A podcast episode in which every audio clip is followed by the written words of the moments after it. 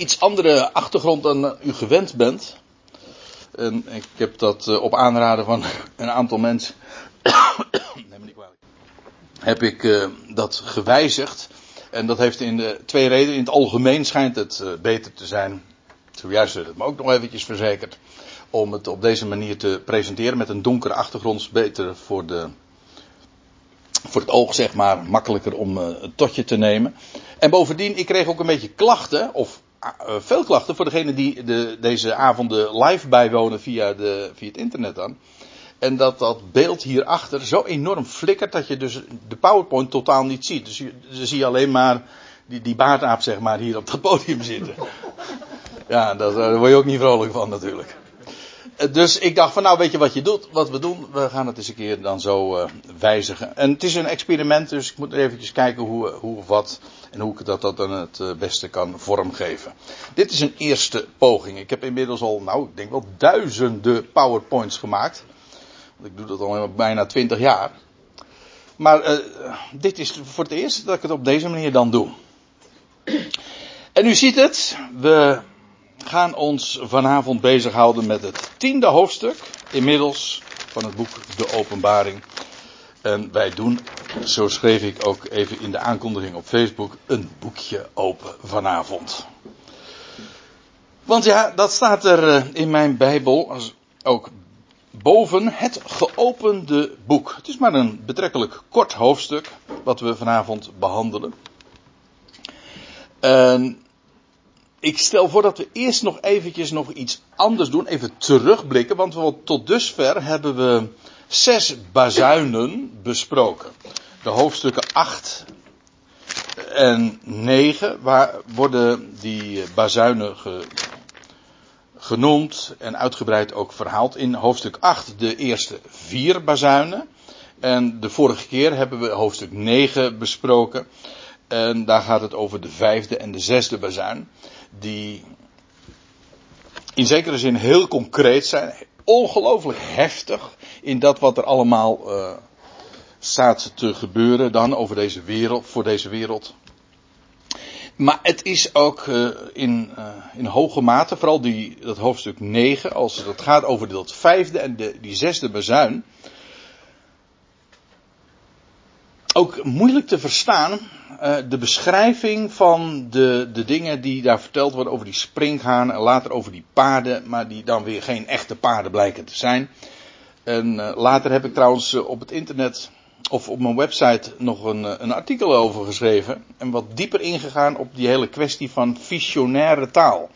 Dat wil zeggen, iemand, een ziener die dan blikt. Johannes die een tijdreis heeft gemaakt vanuit de eerste eeuw naar de dag des Heren. Die nog steeds toekomstig is. En die dingen heeft waargenomen die hij niet kon thuisbrengen. Maar slechts kon beschrijven. Maar niet kon vertellen wat het is. En zelfs wij, die er toch betrekkelijk dicht op staan, om niet te zeggen heel dicht op, uh, hebben uh, moeite met uh, bepaalde verschijnselen die daarin worden beschreven.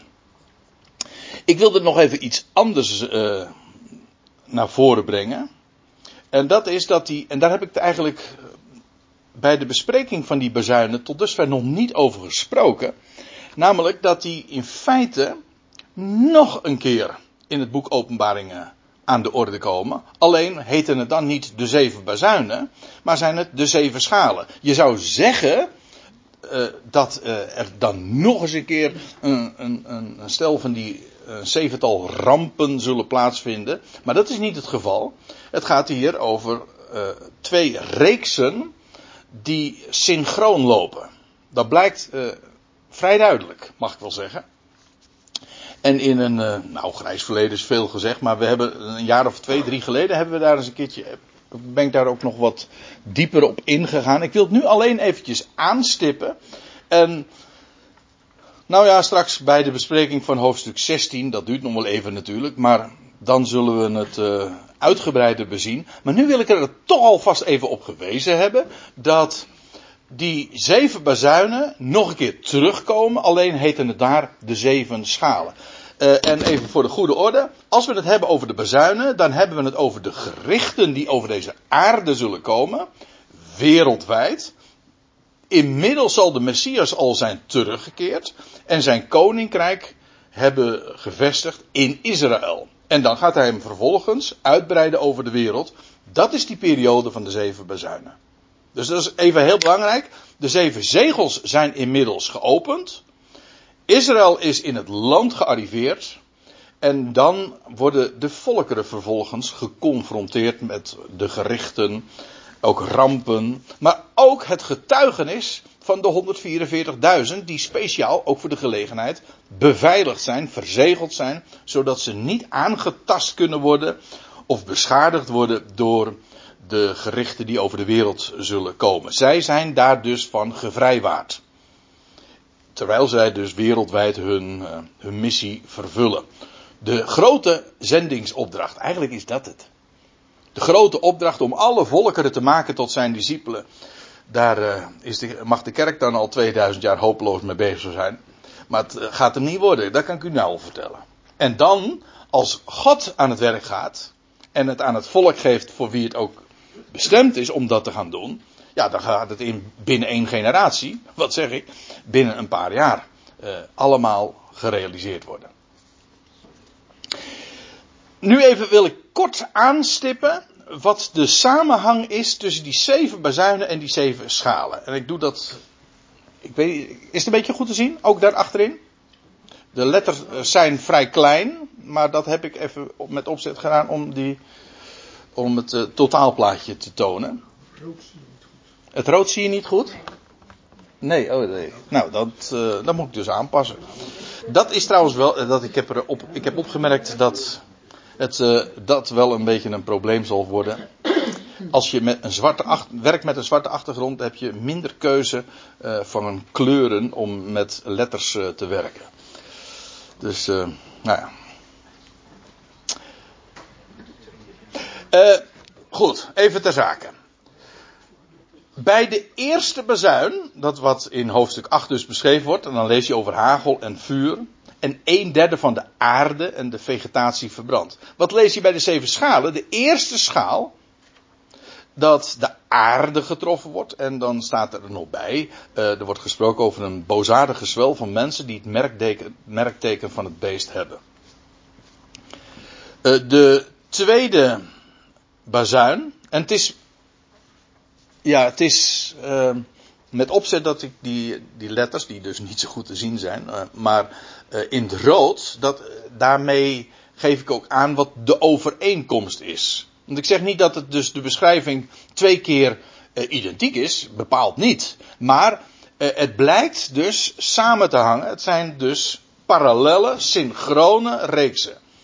Dus uh, in, bij de tweede bezuin, dat hebben we toen gezien, uh, gaat het over een brandende berg die in zee wordt geworpen. En een derde in de zee komt dan uh, om. Het leven van de zee. En dan bij de tweede schaal vindt iets soortgelijks plaats. Daar wordt ook de zee getroffen. En alle levende wezens in de zee sterven. Ehm, ja, of voor een deel. Dat moet ik nog even goed nakijken. Dan vervolgens de derde bazuin. De brandende ster alsem valt uit de hemel. Een derde van de waterbronnen en rivieren worden dodelijk aangetrast. En ook dat is, vindt uh, plaats bij de zevende schaal. Ook daar worden de waterbronnen en rivieren aangetast. En bovendien, het water staat er dan nog bij, wordt bloed. Maar dat valt dan weer samen met die dodelijke aantasting van uh, het water.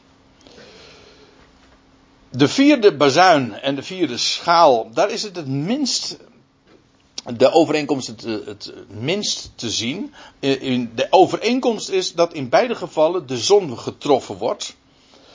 Maar bij de zevende schaal lezen we daar nog dat mensen ook worden versengd door de hitte. Over opwarming van de aarde gesproken. Hm? Maar uh, dat komt dan niet door het CO2, daar kan ik nu overklappen. En dan de vijfde bazuin. Een, de, een ster die uit de hemel valt. Een, gigantische meteoriet kennelijk. Uh, de afgrond wordt geopend. Rook verduistert het hemelruim. En springhanen, met opzet natuurlijk tussen aanhalingstekens, pijnigen vijf maanden lang de mensen. En bij de zevende schaal lees je dan het rijk van het beest. Weet je wel, over die tien landen. Dat wordt verduisterd. Mensen hebben grote pijnen vanwege de gezwellen. Ook hier weer verduistering, pijnen. En dan, de, dat is wat we de vorige keer, de laatste keer dus hebben we gezien.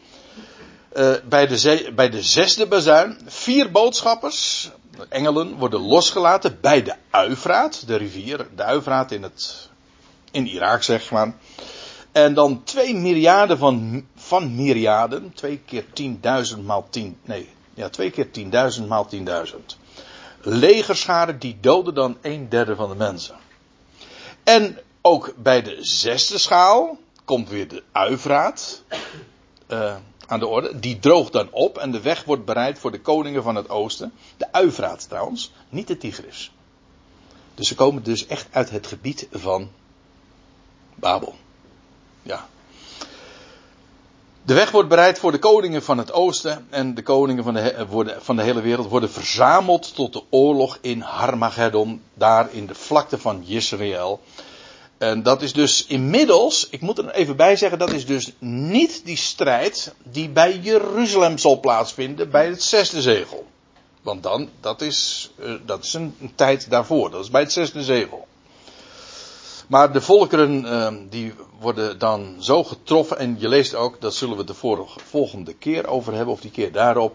Dat de volkeren dan uh, juist ook, ja, vanwege degene die daar zit op de troon in Jeruzalem, die daar zijn koninkrijk heeft gevestigd, worden toornig en zij verzamelen. Zij gaan dus uh, de hele Verenigde Naties, daar komt het eigenlijk op neer. Want alle volkeren uh, die verzamelen zich. En die gaan dan samenspannen tegen de Heer en zijn gezalfde, die inmiddels dus al regeren, of eh, die inmiddels al dus dat koninkrijk daar in het Midden-Oosten hebben gevestigd. Ja, dat is heel, ja, uh, is apocalyptiek, hè? dat is de apocalyps, de onthulling, maar het, is, het klinkt zo futuristisch in onze oren. Het is ook futuristisch, dat wil zeggen, het is future, hè? het is toekomst. Maar het is onvoorstelbaar wat er dan gaat gebeuren.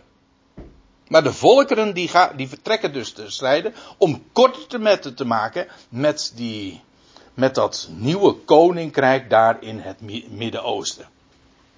Maar eh, het is bijna met ze gedaan. Want Harmageddon, daar vindt dan ook. Daar wordt vanuit de hoogte neergehouden. Dat is trouwens wat Harmageddon ook betekent. Nou, en dat is in feite de inleiding tot de zevende bazuin. Want als eenmaal dat uh, zijn beslag heeft gekregen, dan wordt het koninkrijk wereldwijd gevestigd.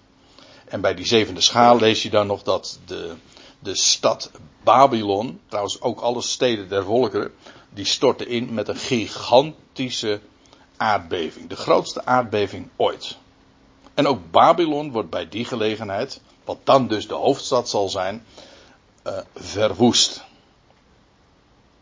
Nou, wat ik eigenlijk dus met deze twee kolommen aan wil duiden is dit gegeven dat die zeven bazuinen uh, gelijktijdig plaatsvinden met de zeven schalen. Dat kan niet missen.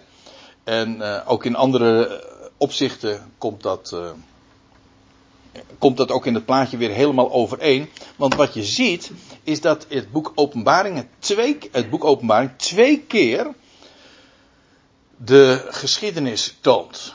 Want vanaf hoofdstuk 12 krijg je een herhaling van wat, maar dan vanuit een ander oogpunt, van wat in de, eerder, de hoofdstukken daarvoor al beschreven was.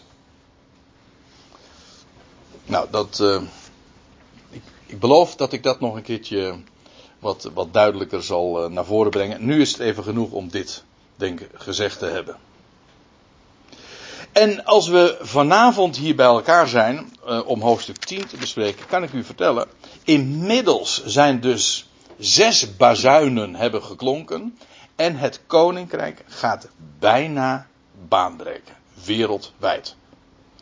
En feitelijk dat is de inhoud van dat geopende boekje. Dat is de inhoud van Openbaring hoofdstuk 10. Nou, laten we maar eens een keer daar naartoe gaan. En te beginnen dus gewoon bij vers 1, zoals we dat gebruikelijk zijn te doen. En dan staat er, en ik nam een andere sterke engel of boodschapper waar. Een andere. Uh, eerder in hoofdstuk 5, vers 2, dan staat er, en ik nam waar een sterke boodschapper, herautend, dat zeggen uitroepend, met luide stem, wie is waardig de boekrol te openen en haar zegels los te maken. Nu ziet hij opnieuw een sterke boodschapper. Maar het is een andere. Niet dezelfde. Trouwens, het woordje andere betekent hier, dat is allos. Het Griekse woord allos. En dat betekent uh, een ander, maar, van hetzelfde soort. Heteros. Dat betekent een ander, maar van, is andersoortig. Uh, allos betekent een ander, maar van hetzelfde soort. Wij zouden misschien zeggen anders. Het is, het is niet een andere. Ik heb, ik heb een, mijn auto is nu anders dan. Ja, god, dat is een slecht, heel slecht voorbeeld nu. Bedenk nou eens een betere, zeg maar. Als ik zeg, ja, ik, mijn auto is nu. Ik heb, stel je voor, ik heb vandaag in de prak gereden. Dan zeg ik, nou, mijn auto is nu anders dan gisteren. Het is nog dezelfde auto, maar toch is die anders. Ja. En, maar als ik nu bij, wijze van spreken een Mercedes-Benz had gekocht, dan zeg ik, ik heb, ik heb een andere auto. Dan heb je een heel ander soortige auto. Kijk, dat is het verschil tussen allos en heteros. In Nederlands kun je dat niet zo mooi met een ander woord dus uh, weergeven. Hier ziet Johannes dus een andere, van hetzelfde soort, maar een andere, sterke boodschapper. Zijn naam wordt niet vermeld. Uh, ik, lijkt mij uh, op zich al een belangwekkend gegeven. Er wordt namelijk heel vaak gezegd van, oh dat is Christus. En ik begrijp heel goed waarom men dat zo zegt.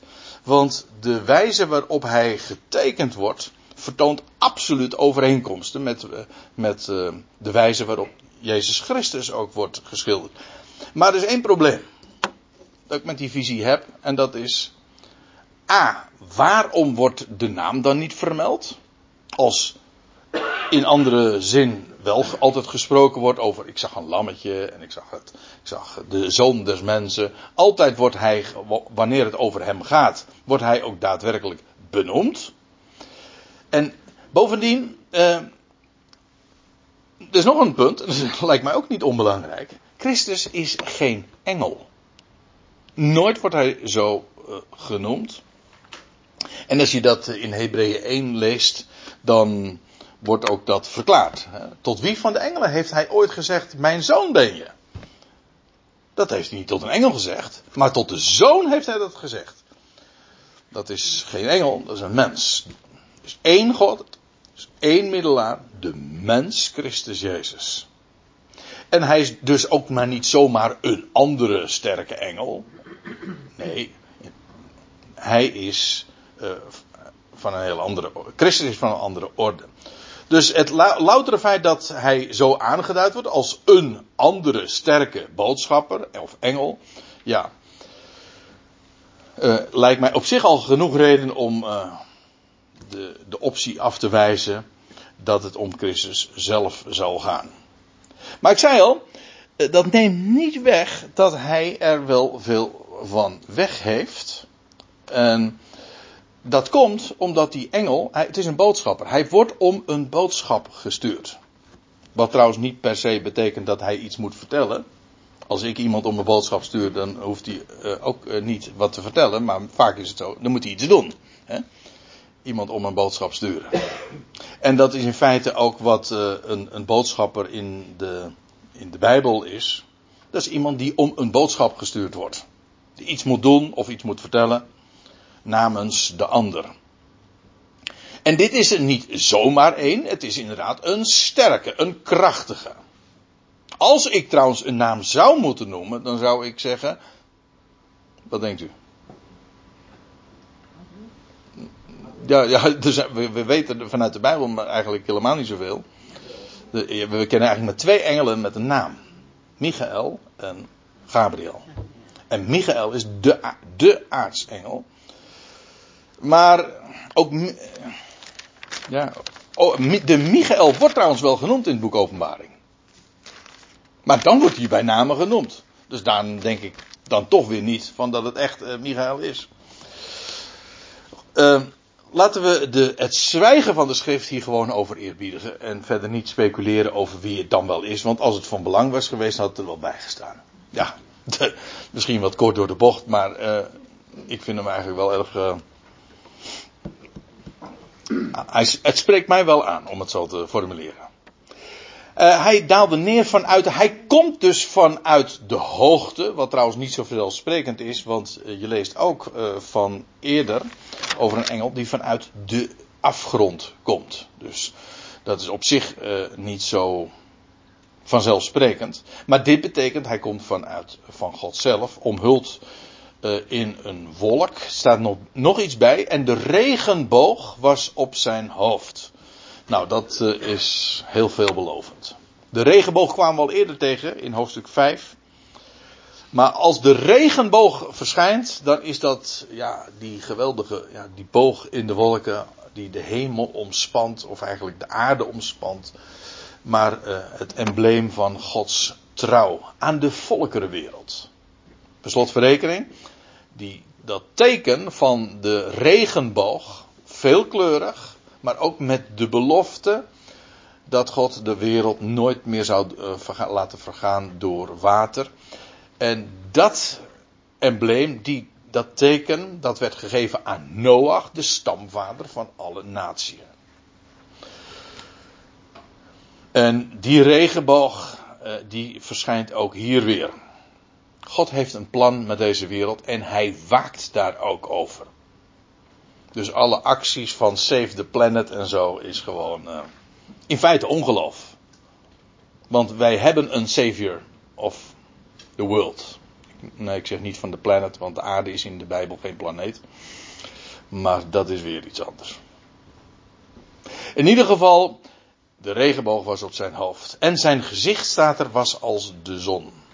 Dit is, dit is moet ik zeggen, wel een, uh, uh, een sterke als men zegt van ja, maar dat is gewoon Jezus Christus zelf. Want even eerder in het boek, hoofdstuk 1, lezen we van dat de. Ik zag iemand, een mensenzoon gelijk. En dan staat er inderdaad. Uh, hij, zijn gezicht straalde als van de zon. Maar dat het is weer niet doorslaggevend, want je leest dat wel vaker in de Bijbel. Een gezicht dat straalt, zo helder straalt, moet je maar eens aan uh, Stefanus vragen. Nou ja, dat is ook een beetje een stomme, stomme idee natuurlijk, maar je zou het moeten vragen aan degene die ooit Stefanus zagen toen hij gestenigd werd. Aan Paulus bijvoorbeeld, die heeft dat gezien. Toen nog Saulus. Zijn gezicht straalde, maar dan staat er geloof ik als een engel. In ieder geval, zijn gezicht was als de zon en de de aanduiding is natuurlijk simpel. Het, gaat erom, hij geeft licht, maar het is vooral ook een aankondiging van de dag. Want dat is wat de zon uh, representeert. Die is gesteld tot heerschappij over de dag. En daar is ook nog een nachtvorst. Dat is de maan. Ja, en zijn voeten als pilaren van vuur. Ziet u die combinatie dus? De regenboog, Gods belofte dat gezicht als de, de, was als de zon, maar ook uh, wat de dag aankondigt. Zijn voeten als pilaren van vuur, wat natuurlijk uh, in het boek Openbaring vooral uh, tekenend is voor het oordeel en de gerichten waarmee dit gepaard gaat. Pilaren van vuur. Dat is al heel onheilspellend natuurlijk. En, en dan staat er dit. En hij had in zijn hand een geopend boekrolletje. Een boekje, maar eigenlijk is het een boekrolletje. Het, het is een verkleinwoord. Later in vers 8 zullen we zien, dan wordt het gewoon een boekrol genoemd. Dat kan, afwisselend. Dat spreekt elkaar niet tegen. Ik drink wel eens een keertje een kopje koffie, maar ik zeggen, ik drink een kop koffie. He? Maar in ieder geval, het, was, het wordt hier genoemd een boekrolletje. En wat toch in ieder geval aanwijzing is dat het uh, klein is. Het doet direct denken aan die, een andere boekrol die we al eerder tegenkwamen. En dat was in hoofdstuk 5. Weet u nog? Over, en ik zag een lam, lammetje. Maar dat blijkt dan de leeuw van Juda te zijn. En dan staat er, en in, en in zijn hand, hij kreeg, de, hij kreeg de boekrol. En die was verzegeld met zeven zegels. En die, wordt, die, die boekrol wordt dan vervolgens geopend. Dat wil zeggen, de zegels worden geopend. Nou ja. En wat bleek dat te zijn? In hoofdstuk 5 en 6. Hè, de, de opening van die boekrol. Van, en, en van de opening van de zegels. Die boekrol, dat vertegenwoordigt de eigendomsakte van het land. Namelijk het land Israël. Dat hebben we toen gezien, ga ik nu niet nog een keer dunnetjes over doen. Maar zo ging dat in de Bijbel ook, dat als land gekocht werd, als het land uh, gekocht werd, dan werd dat met een eigendomsakte, in een boekrol, werd dat uh, zo ook verzegeld. En op het moment dat de, de daadwerkelijke overdracht plaatsvond, dan werden de zegels ervan geopend. Dus eerst werd het gekocht. Dat is en bij de eigenlijke overdracht werden de zegels geopend. Hier wordt opnieuw, is opnieuw sprake van een boekrol. En inmiddels ook een geopend boekrolletje. Maar hier gaat het niet meer over het land Israël. Maar over de eigendomsakte van heel de wereld. Dat blijkt uh, simpelweg ook uit het vervolg. Want ja, weet u wat het is? Als je het hele plaatje even in, eh, goed in oogschouw neemt. Je hebt eerst die zeven zegels. Dat had te maken met uh, Israël dat tot dat toekomt aan de enige echte eigenaar. Namelijk het lammetje. De leeuw van Juda. Maar dat koninkrijk gaat uitgebreid worden. Dat is eigenlijk het grote thema van het boek. En dan vervolgens worden alle volkeren worden ook onderworpen. Want niet alleen het land Israël, maar heel de aarde behoort hem toe. Hij is niet alleen de koning van Israël, hij is ook de koning der koningen. En zo gaat hij ook optreden. In die volgorde ook. Eerst als koning van Israël en vervolgens wordt hij de koning der koningen. En dat uh, geopende boekrolletje gaat hier inderdaad ook over. Uh, is ook weer de eigendomsakte, maar dan van heel de wereld. Laten we uh, doorlezen. En eigenlijk worden we ook meteen daarin bevestigd. Want er staat er. En hij, dat is die, die, die andere sterke engel. Hij plaatste zijn rechtervoet op de zee. En de linker op de aarde. Waarmee uh, meteen ook wordt aangegeven dat waar zijn voet gezet wordt, dat komt hem toe. Als je er, dat een bijbelse gedachte. Als je ergens je voet op zet, dan behoort dat je toe. Dat, uh, uh, dat zie je al in. ja, ik, ken, ik kan diverse voorbeelden geven. Maar in het boek Deuteronomium en in Joshua vind je dat al van uh, dat tegen Israël gezegd wordt. Nou, eigenlijk tegen Mozes wordt gezegd. Dan, wordt, uh, dan moet Mozes dat doorgeven aan het volk.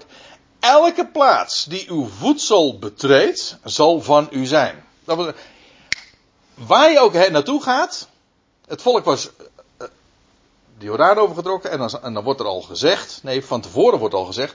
Als je ergens je voet neerzet, dan is dat van jou.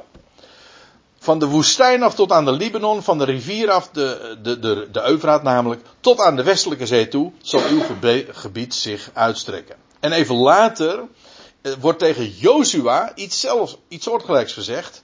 Elke plaats die uw voedsel betreden zal, geef ik uw lieden. Zoals ik tot Mozes al gesproken heb. Dus een bevestiging daarvan.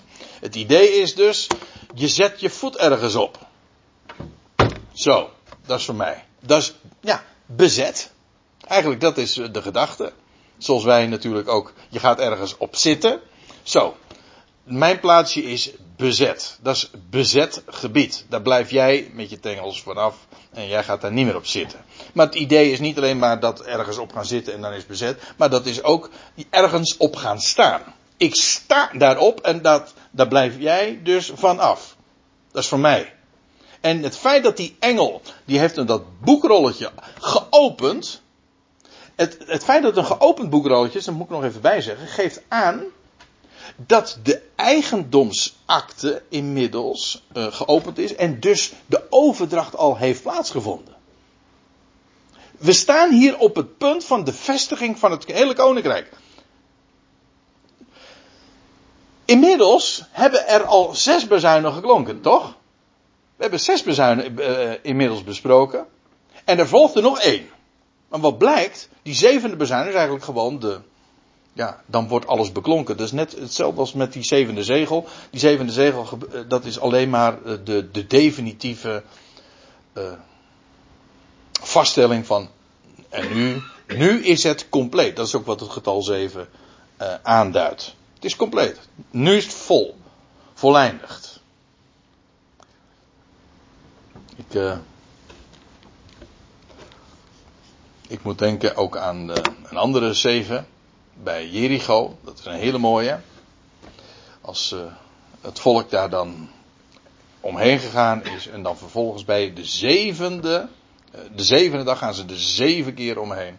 En dan bij de zevende bazuin, oh ja, zo was het. Bij de zevende bazuin, ja, dan valt de stad zo eigenlijk in handen van het volk Israël. Gewoon, dat is zo was dat eh, door God geregisseerd.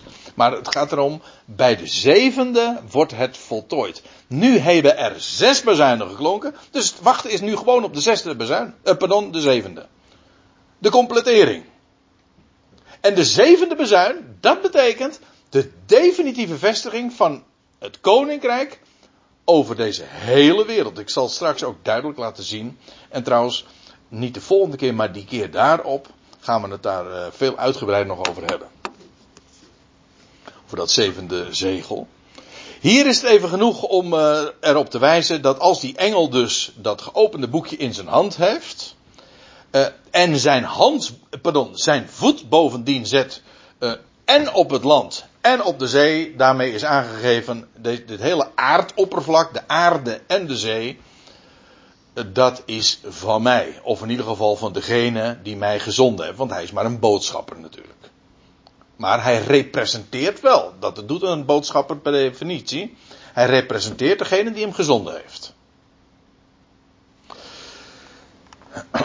En hij riep met luide stem. Net zoals een leeuw brult. Er staat ergens in Amos, ik heb er nu geen plaatje van. Ik had hem er wel even bij kunnen voegen.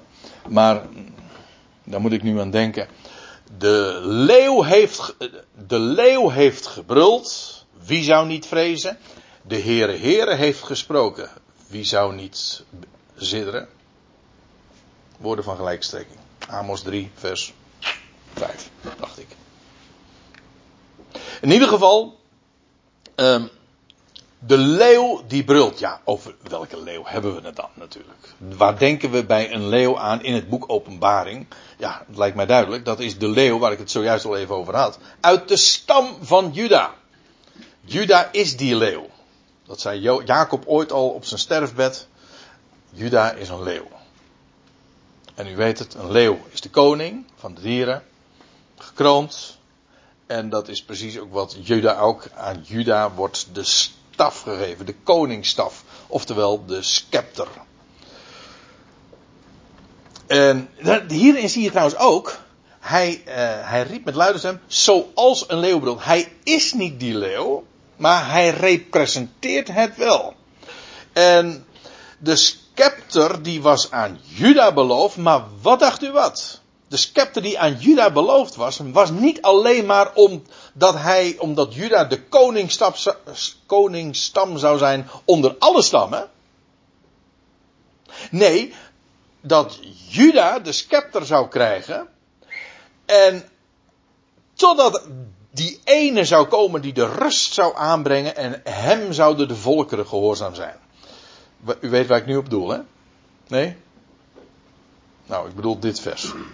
Jezaja, pardon, Genesis hoort niet met SS. Nee, sowieso niet. Met, uh, uh, met 1S natuurlijk. Maar Genesis 49, vers 10. Dan staat er dit. De scepter. Dat is trouwens juist wat de SS niet geloofde. Hè? Maar goed. De scepter zal van Juda niet wijken. Dat wil zeggen, die, die, die scepter wordt aan Juda gegeven. En die zal aan Juda toe blijven komen. Zal niet van Juda afgenomen worden. Totdat. Oh ja, nog de heerserstaf tussen zijn voeten. De scepter is de heerserstaf. Een staf eh, kan allerlei doeleinden hebben. Uh, maar als die uh, wordt toegekend aan een koning, dan is het dus een scepter, is het de koningsstaf. En de heerserstaf tussen zijn voeten, ook een mannelijk embleem moet ik er ook bij zeggen. Totdat, die zou aan Juda toekomen, totdat Silo komt. Silo, dat, is, daar zit, uh, dat heeft uh, dezelfde stam als uh, Shalom ook. En Silo, dat is de rustaanbrenger. En dat blijkt iemand te zijn. Want dan staat er vervolgens, en hem zullen de volkeren gehoorzaam zijn. Met andere woorden, hier wordt door Jacob op zijn sterfbed, al tegen, als al die zonen dan om hem heen staan, uh, allemaal krijgen ze een woord mee, een profetisch, uh, een profetisch woord, en dan wordt er gezegd, aan Juda komt de scepter toe. Dat zou pas duizend jaar later trouwens vervuld worden hoor. Als we even uh, gemakshalve, dit zal ergens in de 18e eeuw uh, voor Christus geweest zijn. En, en David, dat was de eerste uh, koning uit de stam van Juda. Ook de, uit, uit, die dynastie, daar, dat is de dynastie waar God zijn, de scepter aan toe uh, zou vertrouwen. In ieder geval, toen kwam het bij die, het koningshuis van, van David, bij Juda dus terecht. En daar is het gebleven. Totdat Silo komt.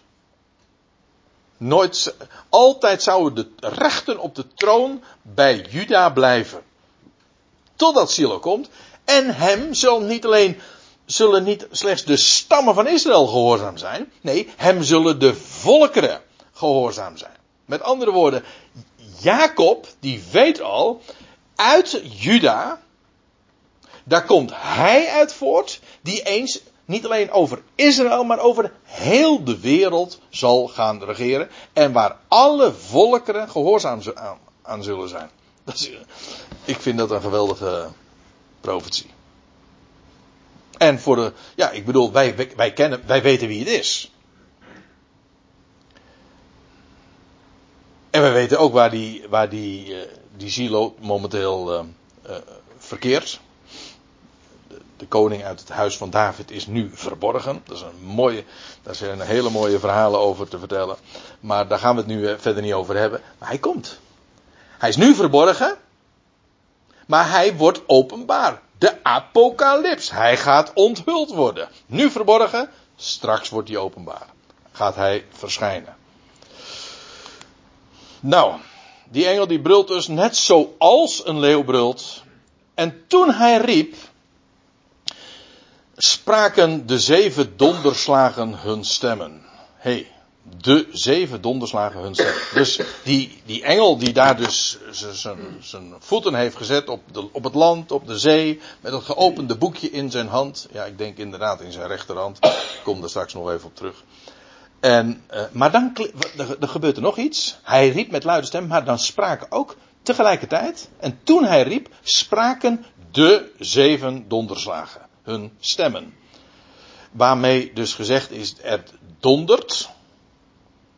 Maar dat is ook een stem. Daar gaat een boodschap vanuit. Daar zijn uh, wel meer bijbelse voorbeelden van. Trouwens, dat weten wij ook. Als het dondert, dan eh, gaat daar een sprake van uit. Dan klinkt er iets. Maar dan wordt er ook daadwerkelijk iets gezegd. In feite is de donder een stem vanuit de hemel. Ja, dat is uh, niet veel uh, fantasie van nodig. Dat is precies wat een de donderslag is. Het is indrukwekkend. Dat vind ik uh, altijd nog. Toch? Hoe vaak het ook gebeurt. Maar iedere keer als ik dat. Nou ja. Als je ooit dat eens een keer in de berg hebt meegemaakt, dan is dat helemaal. Als dat dan zo, uh, zo echt, dan. Geweldig. Dan. De stem van God. Ja. Maar goed. Nu zijn we dus bij vlak, vlak voor de zevende bezuin. En dan staat er, uh, die, die engel die brult ons en hij riep. En toen spraken de zeven donderslagen hun stemmen. Ze zeiden dus iets. En nou, ik, ik lees even door. En toen de zeven donderslagen spraken. Het is dus duidelijk een boodschap die overgebracht wordt. Stond ik, zegt Johannes, op het punt het op te schrijven. Want ja, eh, waar, waaruit dus volgt dat Johannes de boodschap verstond die klonk. En hij wilde eh, het meteen ook opschrijven. Per slotverrekening, dat is ook wat hij moest doen. Eh, dat wat hij gezien en gehoord had, zou hij opschrijven. Dus hij meteen noteren. Maar, daar wordt een stokje voorgestoken. Want staat er, en ik hoorde een stem nu een andere stem, vanuit de hemel zeggen: Verzegel hetgeen de zeven donderslagen spraken. En schrijf ze niet op. Ah, dat is jammer. Dan zijn we namelijk nog niet wijzer. Want Johannes die wil dat opschrijven. Kennelijk omdat de sprake die ervan uitging, dat kan ook niet missen. De hele de entourage eh, is al veelzeggend genoeg. Ik bedoel, uh, als dan. Als daar zulke rampen over de wereld hebben plaatsgevonden. en nu bijna de voltooiing daar is. en dan die engel uit de hemel komt. en die, die, die maakt. Die, die eist eigenlijk de hele wereld al, alvast op. Met dat geopende boekrol en de voeten die gezet zijn op, zand, op het land en op de zee. En dan tegelijkertijd die zeven donderslagen. Ja, Johannes wil het opschrijven. Nee, schrijf ze niet op. En wordt er nog iets bij gezegd. Verzegel hetgeen de zeven donderslagen spraken. Met andere woorden, mondje dicht. Uh, dat wordt niet verteld en niet opgetekend en niet doorgegeven. Dus, ja. De boodschap van die zeven donderslagen blijft dus geheim. Toch? Ja, uh, ik weet niet of ik zich er wel eens een keertje in hebt verdiept. In deze verklaring, in de, in hoe dat nou zit met die zeven donderslagen. Ik heb het. Uh, ik, ooit heb ik daar al een boek uh, van gelezen, destijds van een dominee Leenhouts. Zegt die naam van uh, jullie wat? Nou, hij heeft, de man leeft al lang niet meer, maar dat is een gereformeerd predikant, maar die, die heeft visioenen gezien en die heeft dat wat Johannes niet mocht opschrijven, is hem aan, door visioenen bekendgemaakt. En toen ik er eventjes vanmiddag uh, eventjes, uh, ja, en het was eigenlijk in een ander verband dat ik erop getrakteerd werd. Toen was ik ook even iets aan het opzoeken. En toen zag ik dat daar ook Amerika, ja, dat zal niet waar wezen natuurlijk. Uh, ook Amerika, een Amerikaanse profeet was, wiens naam ik. Ja, Branham. Ja, dat, je had zo'n bekende Pinksterprediker, William Branham. Tommy Hicks, Herman Size. Ja, die zegt u wel wat. Ja, wel, ja. Hè? Ja. Nou ja, in ieder geval William Branham, dat was een, een bekende Pinksterprediker, maar die heeft een visioen gekregen en die aan hem is bekendgemaakt, al dus zijn claim, uh, wat die zeven donderslagen uh, spraken. Dus wat Johannes niet mocht vertellen, dat mocht William Branham of Dominee Leenhouse of, nou er zullen vast en zeker nog wel meer zijn, wel vertellen. Want ja, hier wordt, hier, dit is een leemte hè. En daar in dat gat, er zijn altijd profeten die, die daar zeg maar in die leemte dan willen voorzien. Oh, ja, Johannes mocht niet, nee, ik wel. Ja. De vraag blijft natuurlijk wel, uh, als Johannes dit zo optekent, is het inmiddels dan wel geopenbaard? Of gaat dat straks pas geopenbaard worden? En dan zeg ik ja, het gaat straks geopenbaard worden. En toch weet ik het al.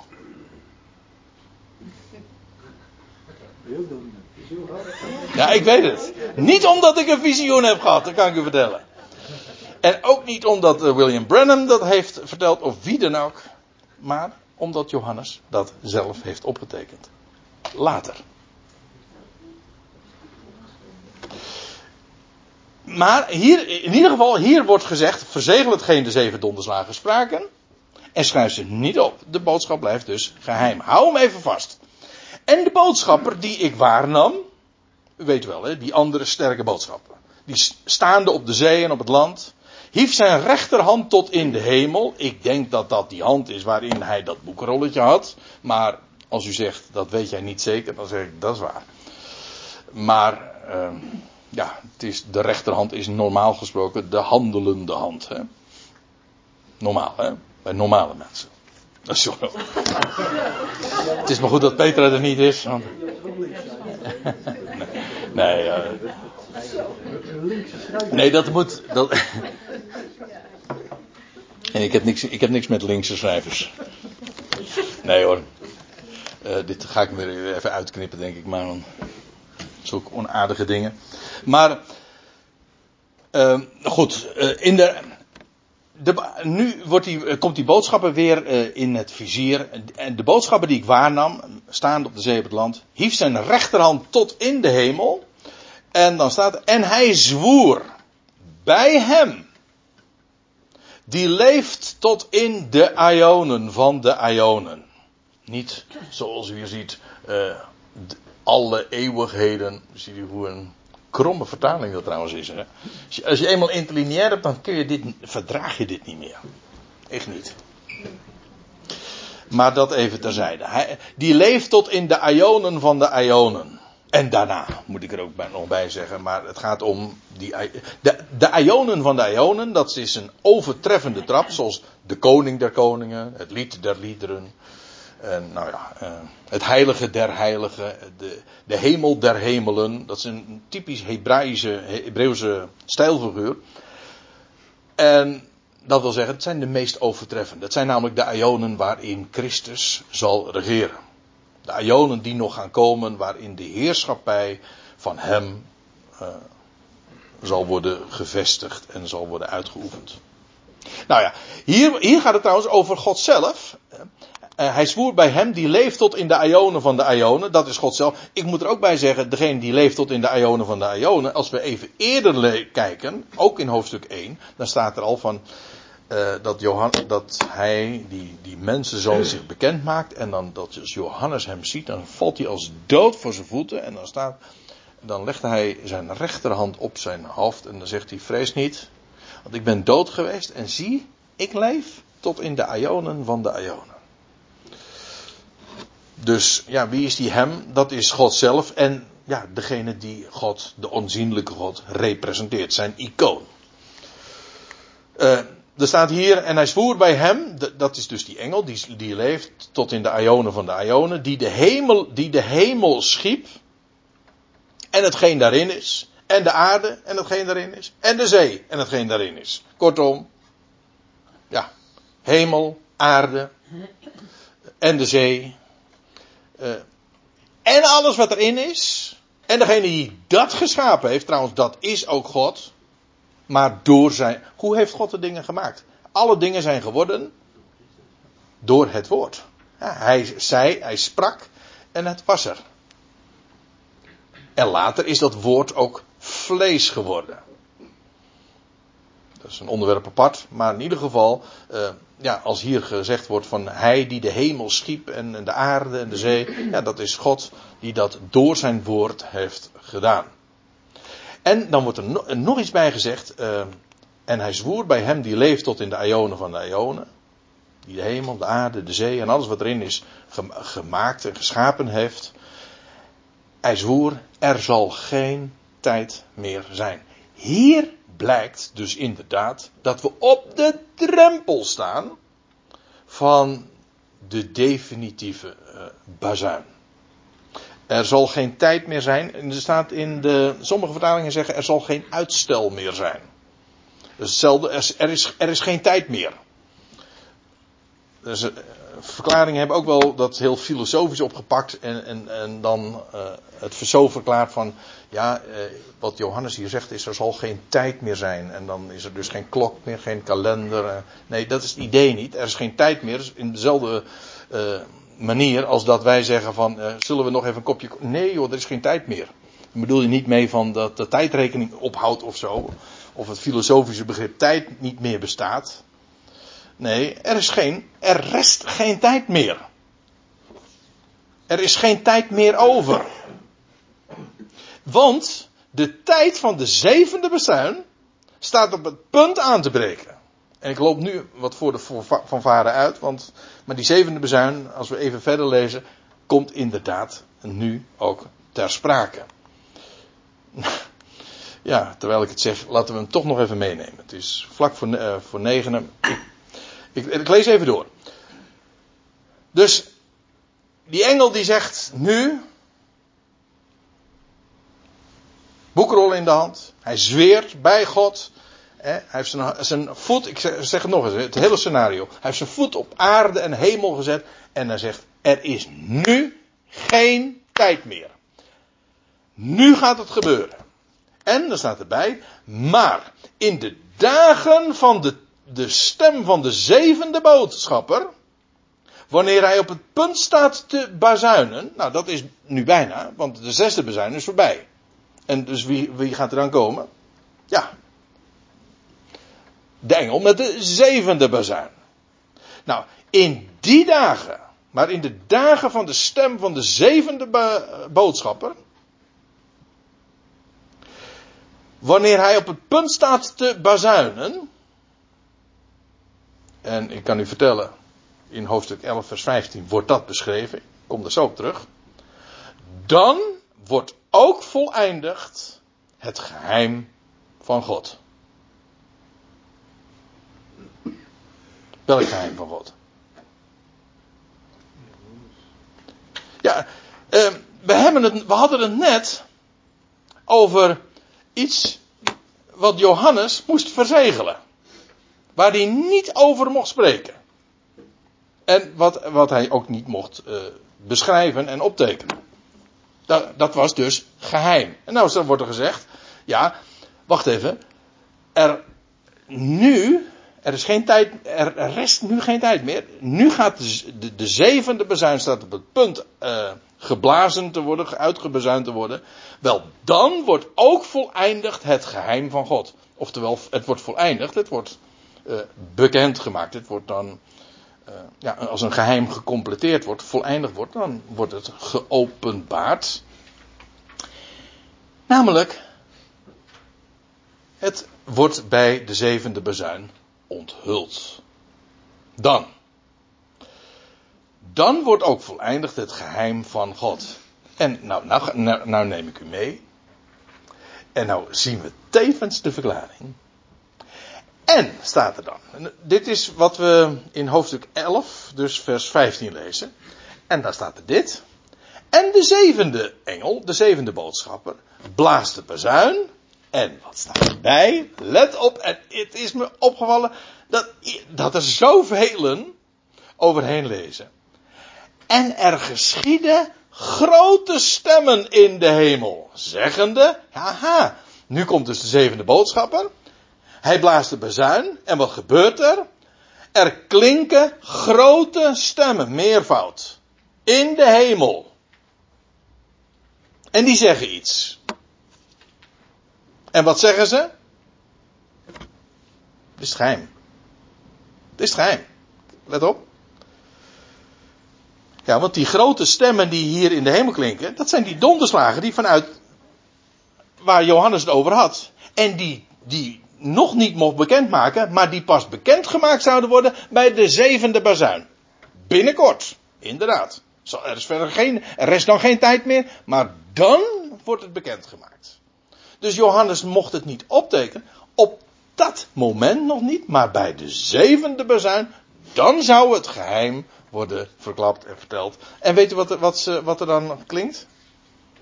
Vanuit daar in de hemel, die grote stemmen, dit. Het koninkrijk van de wereld werd van onze Heer en van zijn Christus. En hij zal koning zijn tot in de Ionen van de Ionen. Alsjeblieft. Dat is wat die, wat die donderslagen ook zeiden.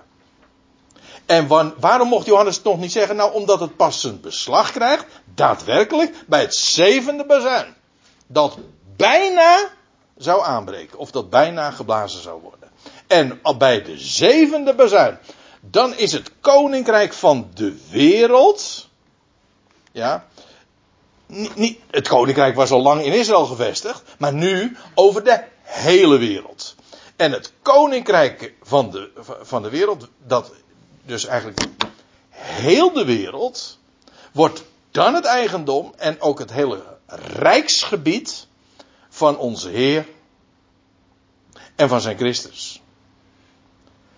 En hij, die Christus, zal koning zijn. Hoe lang? Wel, tot in de Ionen van de Ionen. Dus vanaf dat moment is het koninkrijk wereldwijd gevestigd. Bij de zevende zegel is het over Israël gevestigd. Bij de zevende bazuin is het over de hele wereld gevestigd. Hier zie je heel duidelijk die, die systematiek en ook die, die, die, die twee lijnen van Israël en van de volkeren. En die donderslagen die Johannes hoorde en die hij op dat moment nog, nog niet mocht optekenen. Wel, hier, hier klinken ze. En hier, uh, hier wordt ook gezegd wat die stemmen zeggen. Wat hij in hoofdstuk 10 nog niet mocht zeggen, dat klinkt nu. Namelijk bij het zevende bezuin. En wel dat de wereld het eigendom is geworden van de enige echte rechthebber die het inderdaad het boekje heeft aan wie het boekje toekomt, namelijk onze Heer en Christus. Ik stel voor dat we het hier even bij laten en dat we straks uh, de draad weer oppakken bij vers, wat is het? Ja, bij vers 7. Een mooi aantal, hè? Als we het uh, over het boek Openbaring hebben. Oké, beste mensen, we gaan weer even verder. Want we hebben nog een paar dia's te gaan. We zijn redelijk op schema. Maar dat moet ook wel, want het hoofdstuk is niet zo lang natuurlijk. En ik heb uh, trouwens uh, uit de reacties vernomen dat wat we. de presentatie zoals ik het nu doe. Nou niet echt een uitgesproken winst oplevert. Dus waarschijnlijk ga ik weer terug naar af. Maar Timon, jij zei, er zijn nog andere opties die te overwegen zijn. In ieder geval, uh, ik ga deze denk alsnog eventjes, om niet in, uh, om uit de toon te vallen, even als ik het op internet zet, alsnog eventjes in het gewone schabloon plaatsen. Dus jij met je ICT-achtergrond, ik weet niet wat jouw commentaar is. Helaas. Helaas. jij vindt het wel beter? Oké, okay, oké. Okay. Ja, Oké. Okay. Nou, in ieder geval, voor degene die nu de live-uitzending bijwonen, is het geen winst. Nee. En daar deed ik het in de eerste plaats toch voor. Dus er wordt wel aan jullie gedacht, mensen die uh, hier niet uh, direct aanwezig zijn. Goed. We waren in, uh, in vers 7 dus. In vers 7 en ook naar aanleiding van de zeven donderslagen, die, waarvan de inhoud door Johannes niet mocht worden opgetekend, maar geheim bleef. Uh, maar staat er in de dagen van de stem van de zevende boodschapper, wanneer hij op het punt staat te bezuinen, dan wordt ook volleindig gecompleteerd het geheim van God. Dat wil zeggen, uh, dat uh, wordt uh, bij die gelegenheid onthuld. En we zijn toen vervolgens naar hoofdstuk 11 gegaan. En inderdaad, daar klinken de stemmen in de hemel. En dan wordt ook vermeld wat ze zeggen. Dat is precies dus dat geheim wat dan vervuld is, gecompleteerd is, onthuld is. Want dat is eigenlijk wat een geheim uh, wat er met een geheim gebeurt. Of in ieder geval, wanneer een geheim gecompleteerd is, dat is de voleindigd. Dat wil zeggen, dan wordt het verteld. En krijgt het ook zijn vervulling. Uh, nog even dit, want dat vers 7 gaat nog verder, want dan wordt ook dan, dus in de dagen van die zevende bezuin, wordt ook voleindigd het geheim van God. Zoals hij evangeliseerde aan zijn slaven de profeten. hey, die hebben daar dus ook over gesproken. Johannes mocht niet vermelden wat die zeven donderslagen inhielden. Op dit moment, maar later dus wel. In hoofdstuk 11 vermeldt hij het wel. Maar het betekent dus dat de profeten hebben uh, gesproken uh, van dingen die dan, bij het zevende bezuin, openbaar worden. En dat is dus de Apocalyps. Dat is de titel van het boek. Apocalyps betekent de onthulling. Het apo dat is vanaf, of in de zin van wegnemen. En calyps dat heeft te maken met, uh, met bedekking. Dus het wegnemen van de bedekking. De verhulling wordt weggenomen. De onthulling. Dus zoals een beeld onthuld wordt. Dat beeld was er al, maar was bedekt. En dan wordt het kleed weggenomen en dan is dat is de onthulling. Wat het hele boek Openbaring gaat daarover. De onthulling van Jezus Christus. En trouwens, heel veel andere dingen worden ook onthuld. Maar hier ook. Uh, bij dat zevende bazuin wordt het geheim van, van God uh, voleindigd. En let er trouwens even op, er staat er zoals hij evangeliseerde aan zijn slaven, de profeten. Profeten, dat zijn gewoon slaven. Die, die, die mogen niet origineel zijn. Die mogen niet iets, iets moois maken. Nee, die hebben, hebben die zijn eigenlijk, die zijn, die vormen een doorgeefluik. Gewoon, zij geven door wat God te zeggen heeft. En originaliteit is daarbij uit den boze. Niet zelf iets bedenken. Nee. Uh, zo zegt Paulus ook. Ik ben een slaaf van Christus. Ik doe maar één ding en dat is doorgeven wat mij verteld is. That's it. Maar dat doen die profeten ook. En dan wil ik nog iets zeggen, want er staat, hij, uh, zoals uh, God heeft doen evangeliseren, via aan, maar ook via de profeten. Er staat evangeliseren. In de zowel in de NBG als in de Statenvertaling staat verkondigde. Dat is een verarming. Want verkondiging is niet hetzelfde als evangeliseren. Het is evangeliseren wil zeggen een goed bericht vertellen. Verkondigen wil alleen maar zeggen je vertelt iets, je verkondigt iets. Nee, maar het is een goed bericht. Dat is wat evangeliseren is. En wat die profeten dus hebben gedaan, die hebben geëvangeliseerd. Die hebben gewoon het, nou ja, gewoon, die hebben verteld over de onthulling van dat geheim van God. En over, de, over het feit dat deze wereld het eigendom gaat worden van Jezus Christus, van de Messias. Niet alleen van Israël, maar van de hele wereld. Daar hebben de profeten van gesproken. Dat perspectief van wat, de, wat deze wereld wacht, de zevende dag, hè, de grote Sabbatdag voor deze hele wereld, dat is toch een evangelie? Nou ja, er gaat heel wat uh, gebeuren in die hele transitie, als het koninkrijk van deze wereld het eigendom wordt van Jezus Christus. De overgang is pijnlijk. Het is een enorme pijnlijke uh, operatie. Dat is het boek Openbaring ook. Maar niettemin, het is een evangelie.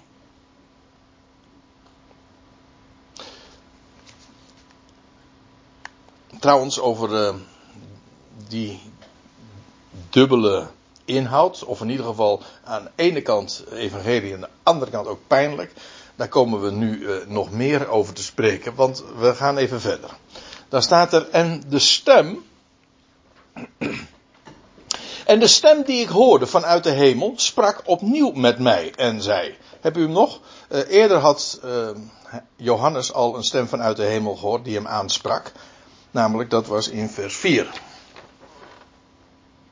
Oh ja, en toen de zeven donderslagen spraken, stond ik op het punt op te schrijven en ik hoorde een stem vanuit de hemel zeggen, verzegel hetgeen de zeven donderslagen spraken en schrijf ze niet op. Nou, en nu sprak die stem vanuit de hemel opnieuw met mij. Overigens, als je, voor de oplettende lezer, Johannes bevindt zich dus op aarde. Dat hadden we trouwens al eerder kunnen opmerken, want dan staat er, er vanuit de hemel.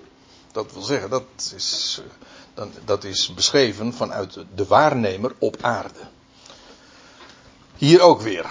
En ik hoorde vanuit de hemel een stem die opnieuw met mij sprak. En hij zei: Ga heen. En nou krijgt hij een merkwaardige opdracht, zeg. Hij is niet de eerste trouwens in de Bijbel die dat, die opdracht krijgt. Ga heen, neem de, neem de geopende boekrol. Hier staat trouwens niet het verkleinwoord, maar de geopende boekrol. De geopende boekrol in de hand van de boodschapper. Je weet wel, die staat op de zee en op het land. Die. En, dat boeker, en die boekrol, ja. Waarvan we al inmiddels vaststelden. Uh, en de hele beschrijving uh, schreeuwt het ons als het ware ook toe. Het, de, die boekrol, daarin is beschreven van wie de wereld is.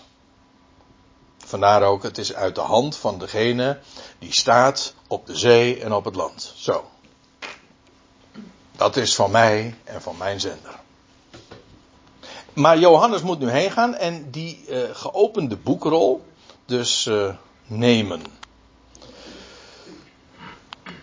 En ik ging naar de boodschapper toe en zei tegen hem het boekrolletje te geven. Ja, hij doet dus precies wat hem wordt opgedragen. En hij, dat is dus in dit geval die. Uh, oh, terwijl ik het zeg, begin ik ineens te twijfelen. Wie is nou die hij? Is, ik zou zeggen van dat was die boodschapper naar wie die toe ging. Maar je zou ook kunnen zeggen, het was die stem die tot hem sprak. Ik weet niet. Uh, in ieder geval, hij, zo staat het in ieder geval. Uh, hij zei tot mij: Neem en eet het op. Hm? Een boekrol opeten? Boek, ook, dan kun je zeggen: ja, een boekrolletje. Ja, maar dan nog. Dan nog. Hè?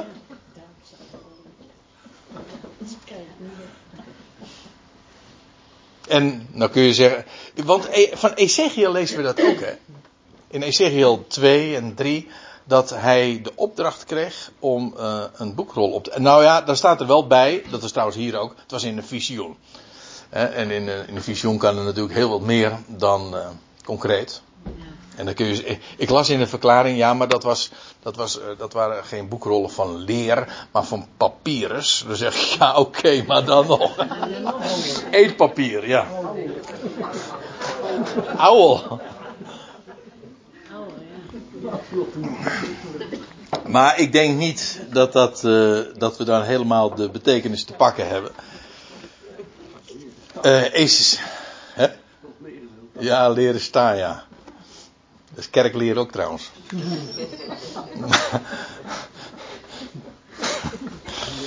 ja. Wat hij moest doen, uh, is uh, die rol opeten. Ja, waarom? Ja, hij moest dat, dat woord wat daarin opgetekend is, in de mond nemen. Ja, in de zin dus spreken. Dat blijkt ook als we even twee versen doorlezen. Dat is precies wat Johannes moest doen. Hij moest dus dat wat in die boekrol staat, geschreven, en dat, waar, dat gaat over de eigendomsrechten over deze hele wereld, dat zou hij opeten, tot zich nemen. Oké, je kan zeggen zich eigen maken, maar het idee is vooral, hij zou het in de mond nemen. Hoezo in de mond nemen? Nou, dat is precies wat een profeet geacht wordt te doen, namelijk een woord spreken. En dat is uh, wat uh, hem wordt opgedragen. Neem het en eet het op. Maar hij wordt wel gewaarschuwd. En het zal je buik bitter maken. Hoe staat het in de MBG-vertaling? Ja, nou ongeveer hetzelfde, ja. Uh, dat klinkt niet aantrekkelijk. Hè? De uitwerking is uh, bitter. En uh, in de praktijk betekent dat heel vaak, gewoon in de Bijbel, ziekmakend. Je leest van het, het, water van Mara ook dat het bitter was. Mara betekent bitter. Maar ze, ze werden er gewoon ziek van. En ze dreigden eraan te sterven. Dat is wat bitter is. U zegt maar bier is toch ook bitter? Ja, vind ik ook hoor. Maar, maar goed. Uh, nee, maar bitter heeft een veel. Uh, trouwens, zo zeggen wij het ook in de. Als. Uh, metaforisch gebruiken we bitter ook in de zin van iets wat ziekmakend is. Een bittere boodschap. Het zal je buik bitter maken, dat wil zeggen, in, in het verwerken ervan is buitengewoon uh, pijnlijk, scherp. Of zal ik het dan nog een andere Nederlandse metafoor gebruiken? Het ligt zwaar op de maag. Nou, ik zou zeggen, uh, lees maar eens de dingen die hier staan opgetekend. In trouwens, dat geldt voor het hele boek, de openbaring. Uh, dat ligt zwaar op de maag hoor. En ik, er zijn trouwens wel uh, meer voorbeelden van profeten die uh, iets dergelijks ondergingen. Ik denk aan, nou ik bedoel niet nu specifiek op Ezekiel die een boek ook moest opeten.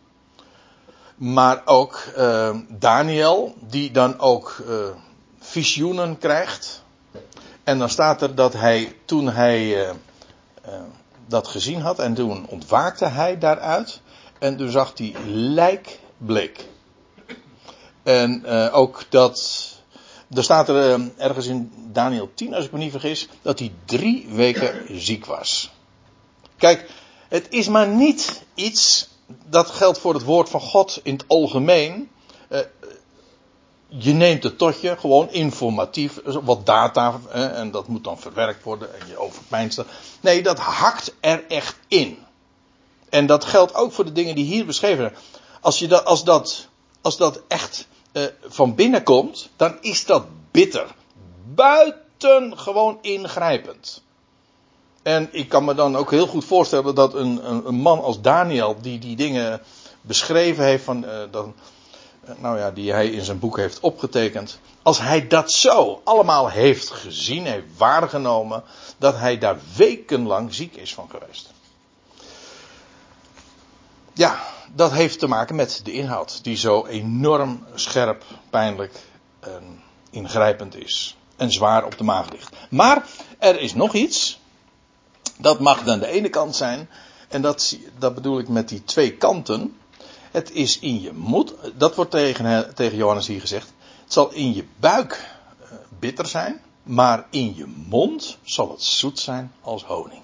Staat trouwens bij Ezekiel ook. Hij zou het tot zich nemen en het was zoet in de mond. Als honing. Nou, die, die hoeft niet moeilijk te zijn. Want, wat is zoeter dan honing? Zoet als honing, maar zelfs zoeter dan honing. Het woord van God. Dat uh, staat in Psalm 19. Kostelijker dan goud, dan fijn goud en zoeter dan honing. Ja, dan honing uit den raad. Komt ook uit, uh, voort uit woord. Niet waar? Debor, uh, Deborah. Het Hebreeuwse woord voor bij is Deborah. Maar dat is afgeleid van Debar, Dabar, maar dat is woord. Hm? Zie je de samenhang? Waar of niet wat ik zeg? Zeg ja.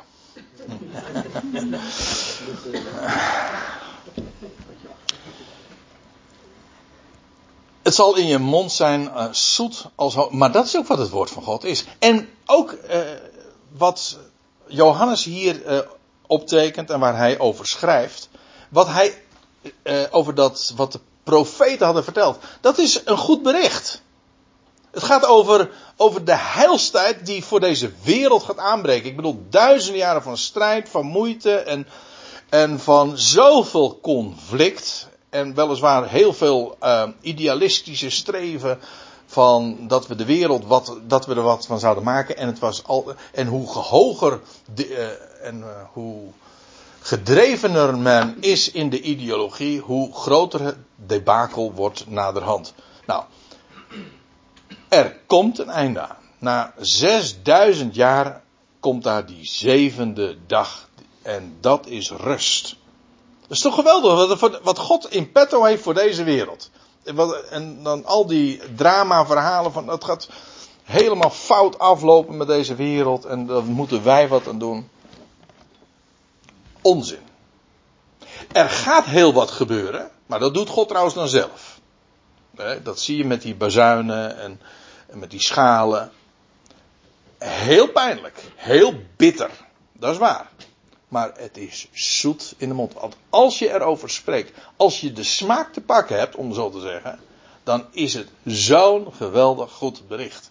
Waarom? Wel, het spreekt over wat God gaat doen en wat hij, hoe hij alle dingen wel maakt. En voor deze hele volkerenwereld heeft God zo die redding bereid. Oké, door een hele pijnlijke transitieperiode heen. Maar dat gaat heel snel hoor. Want Gods oordelen zijn heftig, maar altijd zeer snel. Een ogenblik duurt zijn toren, maar een leven lang zijn goede tierenheid. Dat zijn de verhoudingen. En daar begint het boek Openbaringen ook mee dat, uh, hij, dat Johannes moest schrijven over de dingen die in snelheid zouden geschieden. Niet die spoedig zouden geschieden, dat is een foute vertaling. Die in snelheid zouden geschieden. Dat wil zeggen, God zou in snelheid dat alles gaan vol, voltrekken om, ja, om die geweldige periode te gaan inluiden. De Sabbatdag, maar ja, wat, eigenlijk gaat het nog veel verder, namelijk van de Ionen van de Ionen. Nou, en dan staat er in vers 10, en ik nam het boekrolletje uit de hand van de boodschapper. En ik had het op. En het was in mijn mond zoet als honing. En toen, toen ik het at, werd het bitter in, werd het bitter in mijn buik. Ja, precies zoals gezegd wordt. Hier wordt alleen de volgorde eh, omgedraaid. Eerst zoet en dan bitter. Hé, hey, dat doet me ergens aan denken. Eerst het zoet. Nou ja. Nee, ja, dan gaan we het weer over politiek hebben. Dan, eh. Maar het is typerend voor de profetie. Het, is, liefelijk, het is aangenaam, de honing. Maar het is tevens hard en pijnlijk. Beide. Beide is waar. En Johannes ondervindt dat hier ook. En dan eindigt het uh, hoofdstuk met. En men zei tegen mij. En feitelijk is dat de logische consequentie. Je had het bij wijze van spreken zelf kunnen bedenken. Johannes moest die boekrol zich eigen maken. Hij moest het in de mond nemen. En wat gaat hij nou doen? En men zei tegen mij: Je moet weer profiteren. Over, niet over Israël, niet over de stammen van Jacob. Nee, over volkeren en natie en talen en vele koningen. Zie je dat hier ineens het perspectief uh, ineens wereldwijd is? Johannes gaat nu profiteren dat is precies waar die boekrol ook over gaat. Namelijk over aan wie deze wereld toekomt. Alle volkeren, alle naties, alle talen en al die koningen, die zullen zich gaan onderschikken. Want hij is namelijk de koning der koningen. De opperkoning dus. En ze zullen zich allemaal gaan onderschikken aan die ene koning, de leeuw uit de stam van Juda, want hij is de silo en vele volkeren, of nee, alle volkeren, zullen hem gehoor geven en aan hem gehoorzamen. En dat is wat Johannes tegen moet, uh, moet gaan vertellen. En dat proces mag dan pijnlijk zijn, heel bitter zijn. Het is zo'n honingzoete boodschap. Het is een boodschap die uh, inderdaad lieflijk, aangenaam is en ook eh, buitengewoon voedzaam.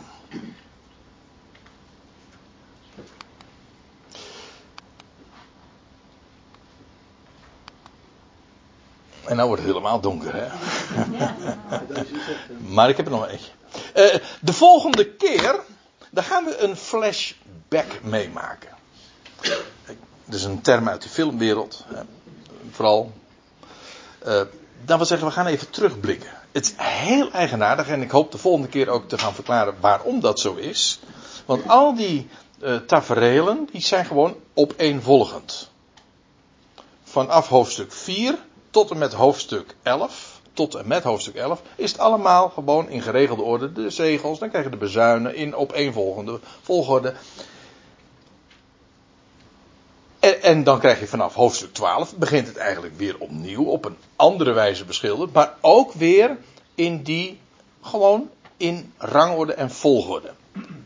Er is één uitzondering. En dat is dat gedeelte in hoofdstuk 11, vers 1 tot 13. Dat is een terugblik, even een, worden we weer even helemaal teruggeworpen naar een andere tijd, namelijk de tijd van de twee getuigen. Waarom die flashback hier geplaatst wordt, nou ja, dat lijkt me een mooi onderwerp voor de volgende keer. En dan gaan we dus vers 1 tot 13 van hoofdstuk 11 eh, behandelen. We hebben daar bij een andere gelegenheid al eens een keertje eerder bij stilgestaan, ook, tenminste deels. Maar nu gaan we dus echt vers voor vers door dat hoofdstuk. Heel boeiend. Want het plaatst ons bij, uh, bij gebeurtenissen die uh, inmiddels wel heel aanstaande zijn.